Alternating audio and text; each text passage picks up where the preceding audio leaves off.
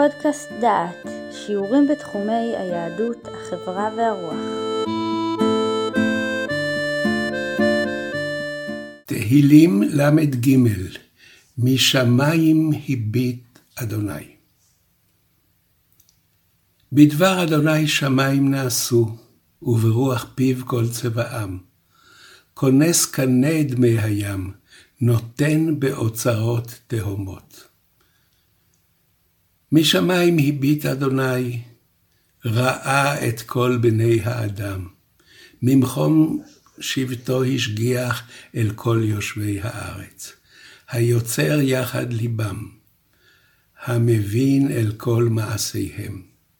אין המלך נושע ברוב חיל, גיבור לא ינצל ברוב כוח. שקר הסוס לתשועה, וברוב חילו לא ימלט. הנה אין אדוני אל יראיו למייחלים לחסדו, להציל ממוות נפשם ולחיותם ברעב. נפשנו חיכתה לאדוני, עזרנו ומגיננו הוא. כי בו ישמח ליבנו, כי בשם קודשו בטחנו. יהי חסדך, אדוני, עלינו, כאשר ייחלנו לך. המונח השגחה במשמעות דרכי ההנהגה של השם את העולם, הוא חידוש של משפחת בני תיבון. במקרא משמעות הביטוי השגיח הוא רעה, וגם בפרקנו אנו מבחינים במקבילה המבארת מונח זה. משמיים הביט אדוני ראה את כל בני האדם, ממחום שבטו השגיח אל כל יושבי הארץ. עם זאת, המשמעות של השגחת השם על בני אדם מקיפה את המקרא כולו. ירמיהו אומר, גדול העצה ורב העליליה, אשר עיניך פקוחות על כל דרכי בני אדם, לתת לאיש כדרכיו וכפרי מעלליו. מה כוללת ההשגחה של השם על העולם? א', השגחה על הטבע, ניהול העולם וחוקיו.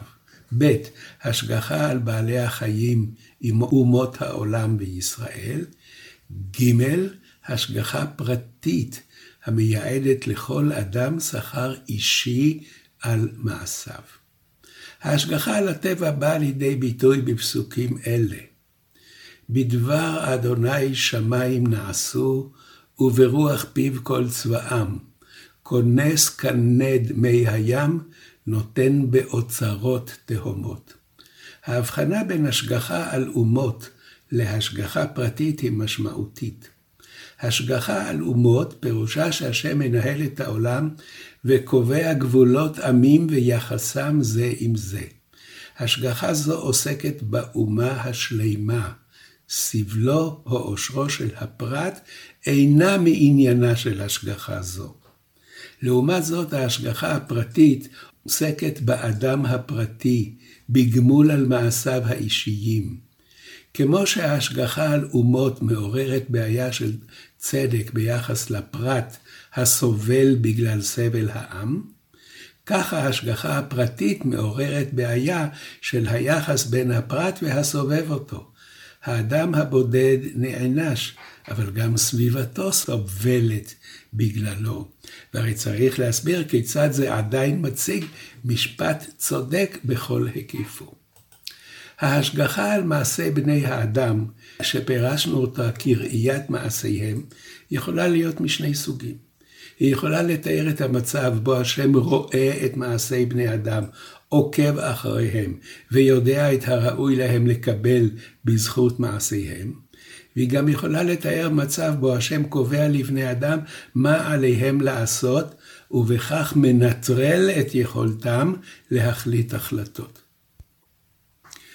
נבדוק על פי מזמורנו את תפיסת בעל המזמור לגבי השגחת השם על העולם. משמיים הביט אדוני ראה את כל בני האדם.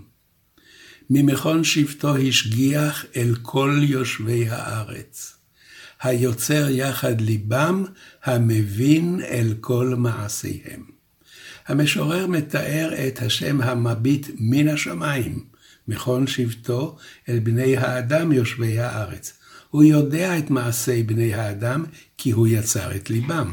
אין הם יכולים להיסתר מפניו ולהסתיר את מה שהם עושים בסתר ליבם, או מה שהם חושבים בליבם. אין הם יכולים להעמיד פנים כי כוונתם רצויה כאשר איננה כן. הוא מבין אל כל מעשיהם.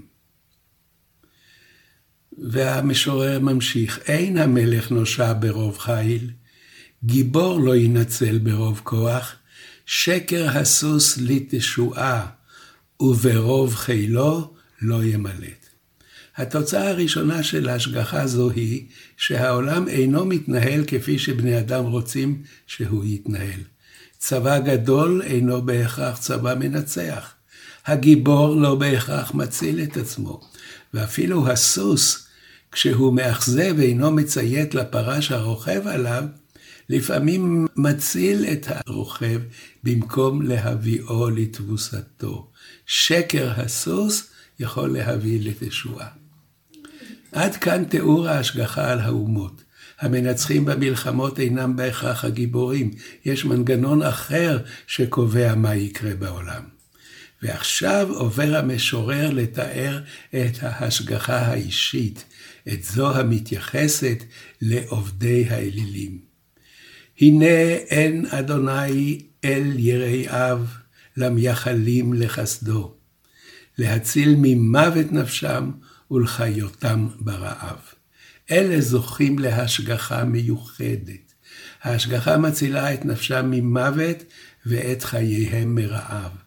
יש כאן השגחה אישית, לא התייחסות לעולם הטבע, לא התייחס, לא התייחסות לאומות ביחסם אלה אל אלה, אלא יחס לאדם הפרטי. אבל לא סתם אדם, אלא אדם מיוחד, ירא אלוהים. הנה אין אדוני אל יראיו למייחלים לחסדו. הרמב"ם מסביר את עיקרון ההשגחה בכך שהוא גדל ככל שרמתו של האדם גבוהה יותר. ההשגחה על בעלי חיים היא השגחה מינית. פירוש, השם משגיח שהמין, שמין בעלי החיים הזה יישמר, אבל מצבו של כל פרט בעדר אינו מעניינו. ככל שהאדם ברמה גבוהה יותר, ככל שהאדם הוא ירא אלוקים, ההשגחה עליו היא השגחה אישית, פרטית. נקרא שוב, הנה אין אדוני אל יראיו, למייחלים לחסדו, להציל ממוות נפשם ולחיותם ברעב.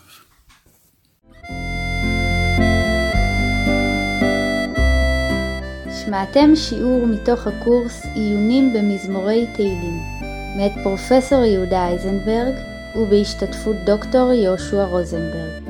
את הקורס המלא וקורסים נוספים ניתן לשמוע באתר דעת במדור פודקאסט.